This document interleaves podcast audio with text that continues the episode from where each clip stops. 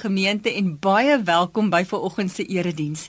Dis die gebed van my hart dat God vandag met jou 'n afspraak het en dat hy 'n baie spesiale boodskap vir jou gaan oopbreek in hierdie oggend. Kom ons raak stil voor die Here. Here, dankie dat ons as gemeente hier bymekaar kan wees. Dankie dat ons kan weet U is nou hier by ons. Here, praat met ons deur U woord en ook vir die luisteraars wat daar buite luister. Elkeen smag daarna om van U te hoor. Here, dankie dat U vir ons U woord gegee het en dat ons daaruit kan leer. Here, dankie dat ons U kinders mag wees. U is ons begin en ons einde en ons loof U daarvoor. Amen. Gemeente, ek groet julle dan in die wonderlike naam van die Vader en die Seun en die Heilige Gees. Kom ons antwoord op hierdie seëngroet van die Here en ons sing 'n loflied saam, Psalm 18. Ek het U hartlik lief, o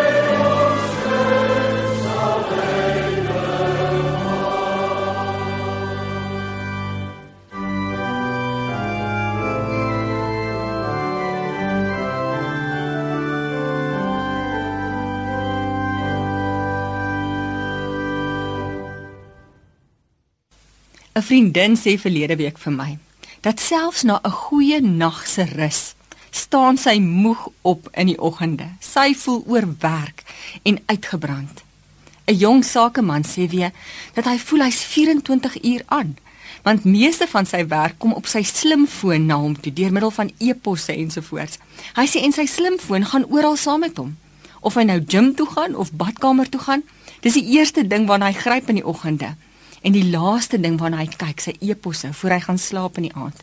Ja, ons is so waar die altyd aan generasie. 'n Ander vriendin sê dat die vakansie het haar familie by haar kom kuier. Sy sê en na die vakansie het sy vakansie nodig gehad, want sy moes so onthaal en haar beste voetjie voorsit. Ja, baie keer as jy vandag met mense praat, dan sal hulle vir jou sê Ek is moeg. Ek kan nie meer hierdie pas van die lewe hanteer nie. Ek voel oorwerk. Ek voel uitgebrand. Maar die feit is, ons moet werk. En is ook in baie gevalle lekker om te werk. Dit was deel van God se skepingsdoel met ons. Nog voor die sondeval het hy vir Adam en Eva werk gegee. Heers oor my skepping. Kyk na my hande werk. Ja, die sondeval het werk sleg gemaak.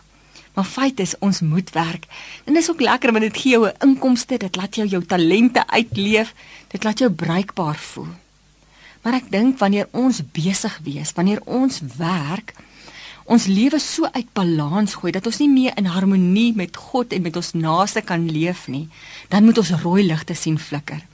Ja, wanneer ons besig wees, ons verhouding met God en ons verhouding met ons naaste laat kraak, dan moet ons regop sit en weet hier moet verandering kom. Baie keer is ons besig wees in ons werk 'n manier om dinge te vermy. Iemand sê nou die dag vir my: "Ag man, dis makliker om geld te maak as wat dit is om 'n goeie pa of man vir my gesin te wees."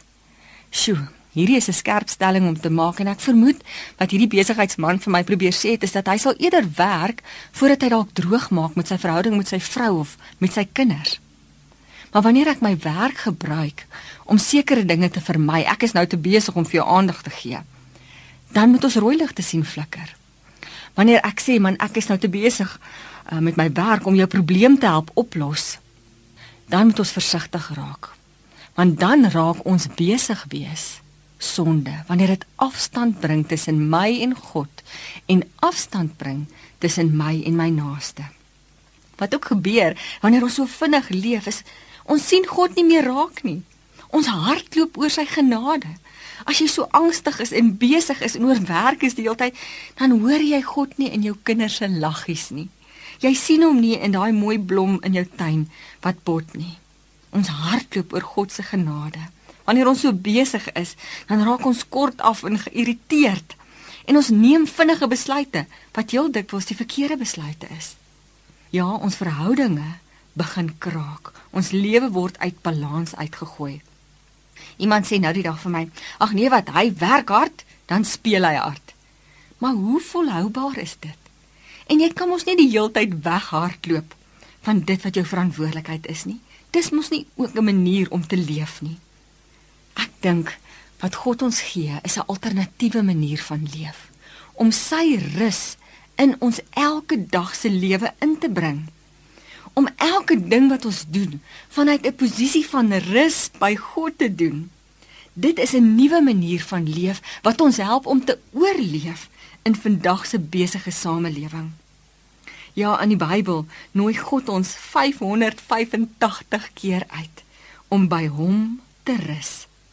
In die eerste boek van die Bybel lees ons dat God geskep het en toe gerus het. Om te rus is vir God belangrik.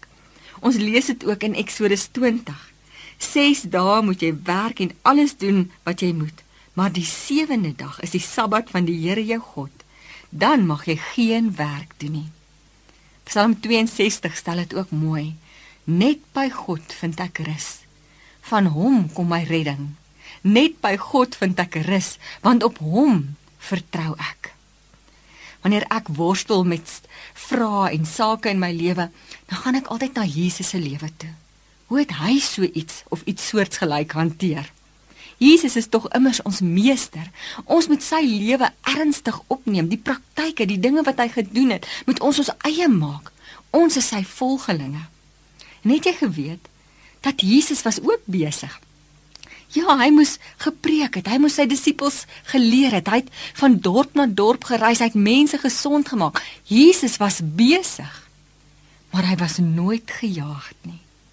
In Markus 6 lees ons vers 31 hoe Jesus vir sy disippels sê. Hy sê toe vir hulle: "Kom julle alleen saam na 'n stil plek toe en rus 'n bietjie." Hulle het met 'n skei na 'n stil plek toe vertrek waar hulle alleen kon wees. Ja, Jesus het ook tyd gemaak om te rus. Hy was besig, maar nooit gejaag nie. Hy het hom nie afgesonder in 'n klooster nie. Nee, hy het ook gewerk. Inteendeel, ek dink hy druk op hom gehad om die kort tydjie wat hy op aarde gehad het, regtig die goeie nuus te bring. Het geweldige druk op hom geplaas. Hy was besig. Maar tog het hy tyd gemaak vir mense en tyd gemaak vir God een van die mooiste voorbeelde van die manier waarop Jesus geleef het, is vir my die verhaal van die Emmausgangers. Ek wil jou gou 'n bietjie herinner. Jesus is gekruisig. Die Emmausgangers was sy volgelinge. Hulle het dit gesien gebeur. Hulle was so teleurgestel want hulle was so oortuig dat Jesus was die Messias. Maar nou was dit al die 3de dag en die Jode het geglo teen die 3de dag het jou gees jou liggaam verlaat en dan is jy nou dood. En ons lees dat die Emmausgangers teleurgestel teruggestap het na hulle tuisdorp Emmaus toe en gepraat het, geworstel het met hulle geloof oor hulle geloof. Hulle dan gedink Jesus is die Messias. En 'n wonderwerk gebeur. Jesus staan op uit die dood. En hy het 'n paar dae oor op aarde voordat hy na sy Vader in die hemel moet gaan. En wat doen hy? Hy gaan stap saam met die Emmausgangers. Hy loop saam met mense wat worstel met hulle geloof. Hy het so min tyd oor op aarde, maar hy luister na mense wie se geloof wipplankery. Dit sê vir my iets van die pas waarteen Jesus geleef het. Hy het teen loopspoed het hy geopereer. En as ons na die teks kyk, dan sien ons hy luister na die Emmausgangers. Hy's nie met 'n donderweerslag wat hy homself openbaar aan hulle nie. Nee, hy hy hy stap saam hulle en hy luister hoe hulle worstel oor hulle geloof en hy probeer vir hulle die evangelie en die en die profete oopbreek. En hy stap saam met hulle en dan eet hy saam met hulle. 'n Geestelike mentor van my, professor Stefan Joubert sê altyd dat Jesus het mense in die koninkryk van God ingeëet en hy eet saam met hierdie mense. Hy het so min tyd oor. En dan natuurlik kom hulle agter dat dit Jesus is. Maar hierdie verhaal sê vir my iets van Jesus se alternatiewe manier van leef. Besig, maar nie gejaagd nie. Tyd vir God, tyd vir mense. Ons lees ook in die evangelie hoe Jesus elke dag tyd gemaak het om by sy Vader te rus, om te ontvang van God. Baie keer dan dink ons, maar my dag is so vol.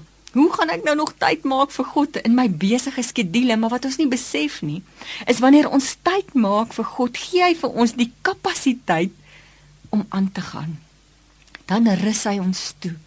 Hy gee vir ons insig en wysheid en energie om aan te gaan. Daar word vertel dat die ou kerkvader Martin Luther, dat sy sekretaris een oggend by hom gekom het en gesê het: "Jy het so besige program vandag."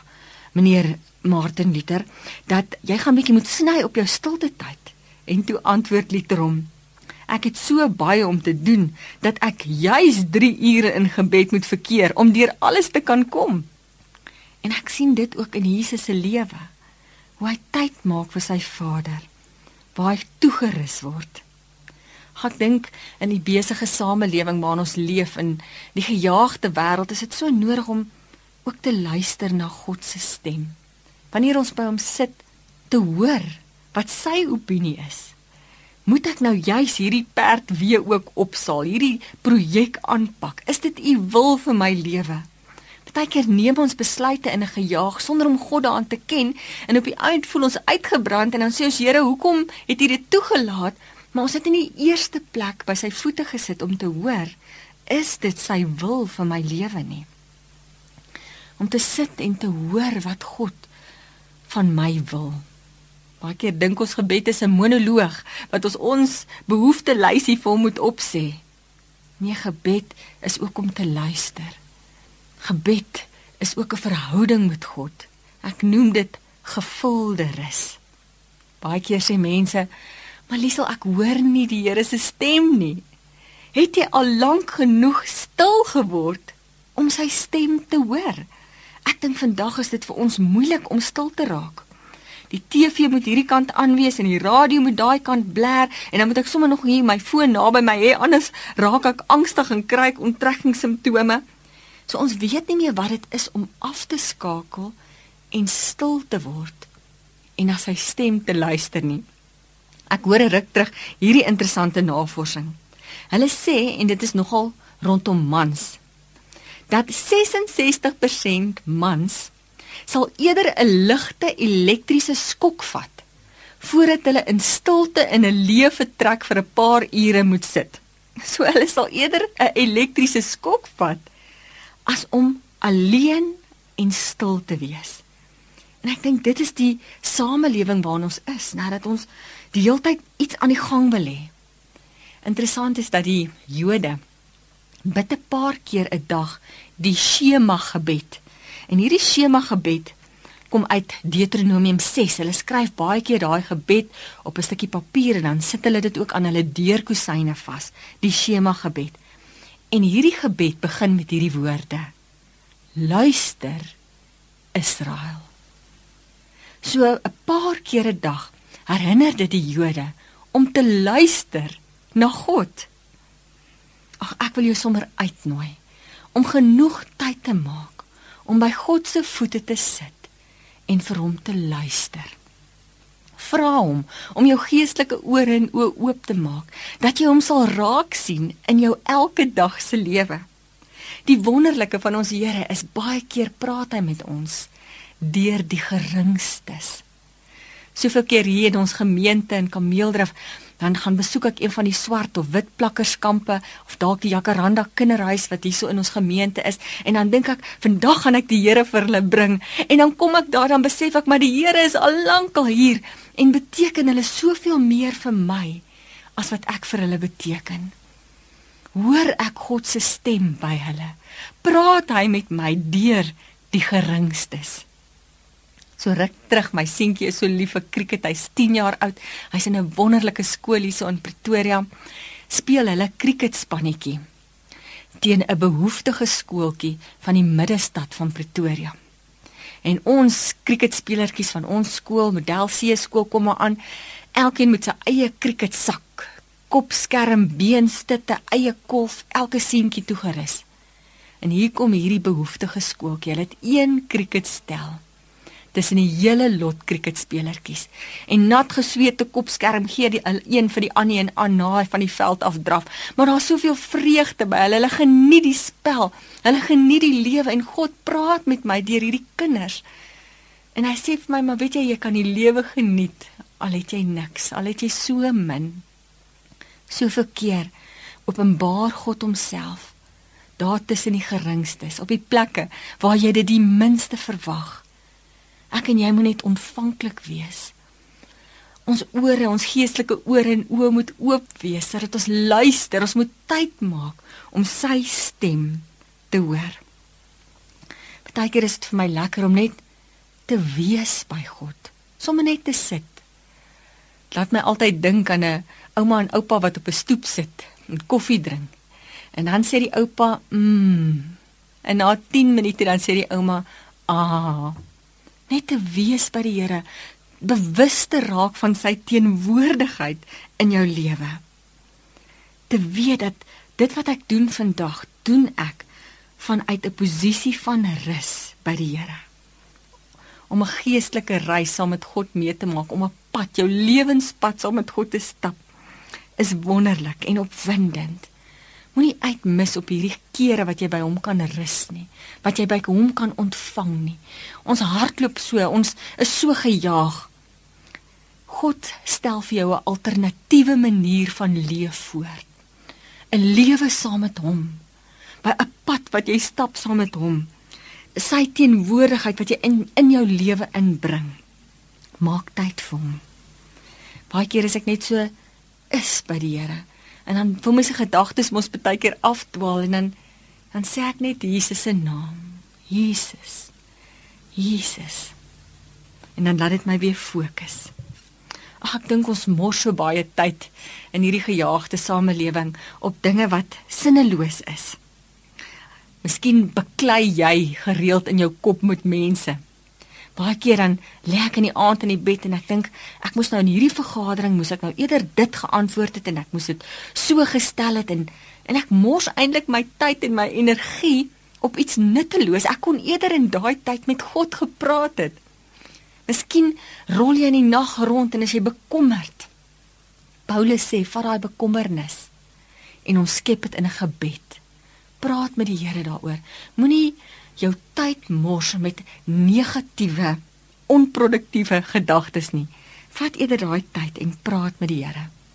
Iets wat ek vind deesdae baie keer op my tyd mors is sosiale media. Ek wil gou op Facebook gaan en net sien hoe gaan dit met my vriende En uh voor ek my kry se uur verby. En ek sê nie dat sosiale media of Facebook is sonde nie. Ek het self 'n Facebook bladsy Liesel Krause Wit gaan like my blad. Ek sit wonderlike geestelike inspirasie elke dag op daai blad, maar ons moet vir onsself grense stel. En ons moet versigtig wees dat ons nie in daai strik trap dat dit ons so besig hou dat dit ons verhoudinge laat kraak nie. Ek lees nou die dag die interessante navorsing. Hulle sê dat die gemiddelde westerling spandeer 300 ure min of meer 'n jaar in 'n motorkar. 300 ure. Nou dink nou net as jy in daai tyd miskien 'n audio Bybel kan na luister of een van jou gunsteling predikers se boodskappe. Jy kan jou motorkar in 'n universiteit omskep. Ek dink ons moet leer om ons tyd ook beter te benut in daai tyd dalk diep gesprekke met die Here te hê. Ons beplan baie keer ons hele jaar vooruit. Ons beplan ons vakansies, ons beplan ons lang naweke. Party mense het assistente wat hulle help om hulle dagboeke te beplan. Ons beplan kursusse vir die jaar. Hoekom kan ons nie ons tyd saam met God dan beplan nie? Hoekom probeer ons om God in ons besige dagboek in te druk? Ons moet eintlik ons dagboek rondom God bou. Ons moet 'n alternatiewe manier van leef kry om te oorleef. Jy gaan uitbrand as jy nie by hom uitkom nie. Ja, om besig te wees en om te werk is nie sonde nie. Maar ons moet in daai rus inkom en alles wat ons doen vanuit 'n rusposisie by God doen. 'n Ruk terug vertel ek vir 'n vriendin hoe besig ek is en dat ek uitgebrand voel. En sy kyk my in my oë en sy sê vir my Liesel, jy moet versigtig wees om nie te dink dat jou oorlewing van jouself afhang nie. Dit is God se werk. En dit was soos 'n beker koue water in my gesig want ek het geweet sy's reg. Want partykeer dan werk ons soos besetenis want ons dink ons is die een wat die uitkoms bepaal. Ons besef nie dat dit God is wat geleenthede gee, dat dit God is wat ons toerus, dat God die een is wat die uitkoms bepaal. Ja natuurlik moet ons ons beste doen. Maar ek hoef nie my beste te vertrou nie. Ek vertrou God. Ons wil tog so graag in beheer wees. Iemand sê nou die dag die interessante woord. Hy sê ek is 'n beheervraat. Ons wil so graag weet wat môre en oormôre inhou. Die feit is ons is nie in beheer nie. God is in beheer. En dis goed want hy weet wat hy doen. Ons hoef nie te weet wat môre inhou nie. Ons moet net weet dat dit God is wat môre in sy hand hou. Ek dink ons kan onsself soveel kwelling, soveel bekommernis spaar deur om te vertrou. Partykeer dan dan worstel ons so met bekommernis, mors ons tyd in plaas daarvan om dit na die Here toe te vat. Het jy al agtergekom hoe stel ons uit om te bid? Eers kla ons by 'n klomp mense, dan kerm ons oor die saak, dan stuur ons SMS'e bid vir my en as laaste poging partykeer probeer ons bid. Kom ons maak gebed en tyd saam met God ons eerste opsie. Ag ek glo met my hele hart dat God ook wil hê dat dat ons ons werk, ons loopbane, dit wat ons doen hier op aarde moet geniet. 2/3 van ons lewe is immers ons werk. En dit is God se plan met ons lewe. Selfs voor die sondeval het God vir die mens werk gegee. So geniet jou werk. Doen dit met oorgawe, doen dit met passie. Dit laat jou vervuld voel. Ek lees hierdie navorsing. Hulle sê mense voel die meeste vervuld. Met ander woorde, jy voel heel, jy voel vervuld, jy voel jy beteken iets. Nie wanneer hulle op die strand by die see lê nie, maar wanneer hulle doen wat hulle bedoel is om te doen, hulle gawes uitleef, hulle talente uitleef en gestrek word daarin. Dis dan wanneer jy op jou meeste vervuld voel. So geniet ook dit wat jy doen. En dan sê Psalm 37 dit so mooi. Vertrou liewer op die Here, doen wat goed is en woon en werk rustig voort. Ek hou van daai woon en werk rustig voort. So ek gaan en ek gee my beste. Here, hier is my pogings. Ek doen my beste, maar dan hoef ek nie angstig in die nag rond te rol oor die uitkoms nie. Ek kan rustig voortwoon en werk, want God is die een wat in beheer is. Hy sal die uitkoms bepaal. Die Hebreëse woord vir vertrou beteken letterlik om jou vas te maak aan iets of iemand. Vertrou God, maak jouself vas aan hom en geniet dit wat jy doen. Max Lucado, die Amerikaanse prediker, vertel van hierdie jong man en hy het by 'n tolhek hokkie gewerk. Nou, hy vertel dat sy kollegas wat ook by hierdie tolhek hokkies gewerk het, wat mense so op die snelweeg kry, wanneer hulle in daai meter by meter tolhek hokkie ingestap het, was dit vir hulle asof hulle in 'n doodskus ingeklim het. En vir hulle hele skof het hulle letterlik eintlik dood gegaan tot hulle klaar gewerk het. En hierdie jong man het besluit, maar dit is sy werk en hy sal dit met oorgawe doen asof vir die Here. En as hy in daai tolhek hokkie ingegaan het, het hy musiek gespeel, hy het gedans, hy het sy kliënte gegroet met 'n vriendelike glimlag en met hulle gesels en en hy het sy werk geniet, hy het die meeste daarvan gemaak. Ek dink dit is wat God wil hê ons moet doen. Die feit is ons moet werk. Jesus het hier op aarde ook gewerk. Hy was besig, maar hy was nooit gejaag, altyd tyd gehad vir God, altyd tyd gehad vir mense. Hartseer is dit baie mense sê, maar weet jy Liesel, ek ek is uitgebrand omdat ek probeer meer en meer vir die Here doen. Ek voel moeg en uitgebrand want dit voel vir my ek skiet te kort. Ek ek ek doen nie genoeg vir God nie. 'n Vroutjie sit ruk terug voor my en haar oë skiet vol trane en sy sê Liesel ek skiet te kort. My een vriendin doen sendingwerk in Afrika en my ander vriendin het 'n Bybelstudiegroep by die skool begin en daai groep groei net en wat doen ek? Ek hardloop agter my 2 en 3 jarige kinders aan. Ek doen nie genoeg vir die Here nie. En ek kon vir haar sê maar weet jy Jou gesin is jou eerste sendingveld. Dit is waar God jou nou wil hê. Dit is waar hy jou nou gebruik. So weet, jy skiet nie te kort nie. Ons kan in elk geval nie ons plek in die hemel verdien nie. Jesus het aan die kruis uitgeroep, dit is volbring. Alles is klaar gedoen. Ek en jy kan niks daarbey voeg nie. Die Jode het soveel wette en en reëls en baie keer mensgemaakte goed wat hulle moet doen om God te probeer beïndruk. En Jesus toe hy in Matteus 11 sê kom na my toe almal wat moeg is. Praat hy eintlik met daai mense wat voel hulle is uitgebrand omdat hulle tekort skiet en nie genoeg doen vir die Here nie. En dan sê hy vir hulle in Matteus 11 vers 28 kom na my toe almal wat uitgeput en oorlaai is. Ek sal julle rus gee. Neem my juk op julle en leer van my, want ek is sagmoedig en nederig van hart, en julle sal rus kry vir julle gemoed. My juk is sag en my las is lig. Ek wil graag vir julle Matteus 11 vers 28 uit die Message vertaling lees, want dit stel dit so mooi. En daar staan: Are you tired, worn out, burned out on religion? Come to me. Get away with me and you'll recover your life. I'll show you how to take a real rest. Walk with me and work with me.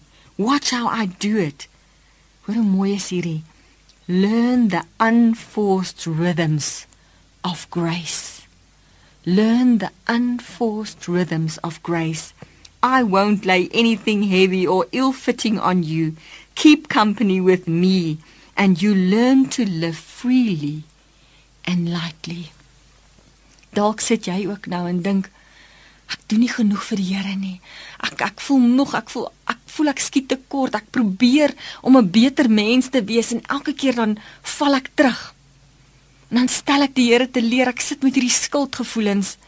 'n Sakeman sê vir my, sit in 'n vergadering en hy breek 'n argument los in hierdie vergadering. Hy sê en hy weet, hy weet wat hy moet doen. Hy weet wat hy moet sê. Hy ken God se woord, hy ken God se riglyne. Hy weet hy moet 'n vredemaker wees. Hy weet hy moenie nou sy meer verloor nie. Hy sê maar Liesel, ek weet wat om te doen en hier doen ek presies die teenoorgestelde. En dit is asof my vlees in my opstaan en ek verloor my hier meer. En ek doen die teenoorgestelde gaan lynreg in teen wat God se woord sê ek moet doen. En daai aand voel ek oorlaai met skuldgevoelens. Laat my dink aan Galasiërs waar Paulus sê dat ons vlees en God se gees is gedurig in stryd met mekaar. So hoe kan ek verander? Hoe kan ek 'n beter mens word? Weet jy uit jou eie kan jy dit nie doen nie. Wanneer jy vol is van jouself, wanneer jy op die troon van jou lewe sit, kan jy nie verander nie, maar wanneer jy daar afklim en sê Here Jesus, Heilige Gees beheers my lewe. Wanneer ek leeg word van myself en vol word van God, is dit al wanneer verandering plaasvind. Ja, Christendom is nie 'n selfdoen geloof nie. Toe daar hierdie breuk tussen God en mens was, het God die inisiatief geneem en hy het sy seun gestuur om oor hierdie kloof te oorbrug sodat die verhouding tussen God en mens herstel kan wees. Maar hy gaan selfs verder as dit want hy weet al probeer ek 'n beter mens wees, al probeer ek meer liefdevol, meer vergewensgesind, meer vriendelik wees, dan gebeur die lewe en ek val terug. Ek kan dit nie uit my eie nie. Maar selfs dan kom hy en, en hy sê ek help jou. Wanneer jy my gees op die troon van jou lewe laat sit, dan buig ek jou wil om sodat jou wil al hoe meer my wil word. Dan haal ek jou hart van klip uit. Dan gee ek jou hart van vlees en ek vernuwe jou denke. Ek verander jou. Dis al hoe ons kan verander. As ons 'n pad stap met God, as ek myself leegmaak van myself en vol word van God. Jesus stel dit so mooi in, in Johannes 15. Ek is die wingerd en julle die lote sonder my kan julle niks doen nie. En dit is vir my so mooi, dit was vir my openbaring toe ek hierdie teks lees en ek wil dit graag weer vir jou lees.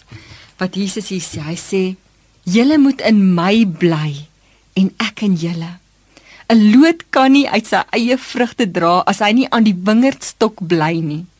En so julle ook nie as julle nie in my bly nie. Ek is die wingerdstok, julle die lote. Wie in my bly en ek in hom, dra baie vrugte, want sonder my kan julle niks doen. Kom jy agter dat die opdrag wat Jesus hier gee, is nie dra meer vrugte. Wees meer vriendelik, wees meer liefdevol, wees meer vergewingsgesind. Dis nie die opdrag. Die opdrag is nie dra meer vrugte nie. Nee, die opdrag is bly in my. Hou vas aan my en jy sal vrugte dra want uit my eie kan ek nie. Al staan ek die oggend op en dink vandag gaan ek 'n beter mens wees. Sê daai kollega by die werk dalk vir jou iets in en jy val terug en jy kap terug met 'n sneerige opmerking. Want sien elke nou en dan dan raak die krake van ons gebrokenheid weer sigbaar. Ons het God nodig. Op ons knieë in afhanklikheid voor hom is die beste plek waar ons kan wees. So dalk voel jy uitgeput en uitgebrand. Want jy voel jy's nie goed genoeg vir God nie. Jy voel jy doen nie genoeg nie. Jy is oorlaai met skuldgevoelens. Jy kan nie uit jou eie nie. Net God kan jou help. Stap 'n pad met hom. Hou vas aan hom. Waarmee wil ek jou huis toe stuur vandag? Ons leef in hierdie gejaagde, besige samelewing. Ons het nie meer tyd vir mekaar nie. Ons het nie eers meer tyd vir God nie. Ons voel moeg en uitgebrand. God nooi jou uit vir oggend. Hy gee vir jou 'n nuwe manier van leef, 'n lewe saam met hom. 'n Alternatiewe manier van leef. Bring hom in jou lewe in sy rus. Jy moet werk. Jy moet 'n inkomste verdien. Dis deel van hierdie wêreld waarin ons leef. Maar doen dit uit 'n rusposisie saam met God. Alles wat jy doen, stap 'n pad met hom, 'n verhouding met hom, deel jou lewe met hom en ontdek 'n nuwe manier van leef saam met God sodat jy kan oorleef. Amen. Here, dankie. Dankie dat die Christelike geloof nie 'n selfdoen geloof is wat ek uit my eie uit my redding moet bewerkstellig, wat ek uit my eie uit moet oorleef in hierdie moeilike samelewing en wêreld waarin ons leef nie. Here, dankie dat U ons staande hou. Dankie dat U U Heilige Gees, U Parakletos gestuur het wat ons helper is, wat ons regop hou. Ag Here, baie keer vergeet ons hoe nodig ons U het. Here, maak ons bewus van U teenwoordigheid. Maak ons geestelike oë en ore oop dat ons U sal sien werk in ons lewens. Dankie dat ons ons lewens met U kan deel. Dankie dat U in beheer is, dat ons U kan vertrou dat die uitkoms nie van ons afhang nie, Here. Ons het U so lief, Here. En ons eer U vir U teenwoordigheid in ons lewens. Amen. Ons slotlied is lied 284 Laat Heer U vrede deur my vloei.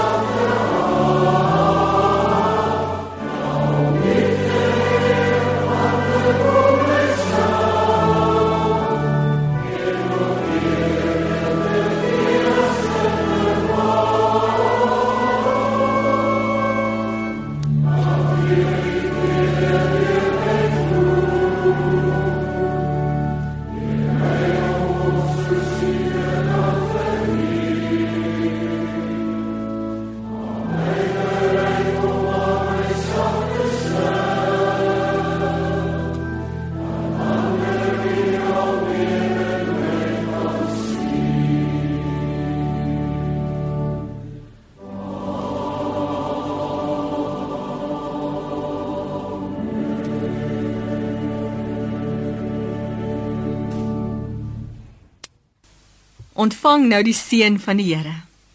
Die genade van die Here Jesus Christus en die liefde van God en die gemeenskap van die Heilige Gees sal by julle wees. Amen.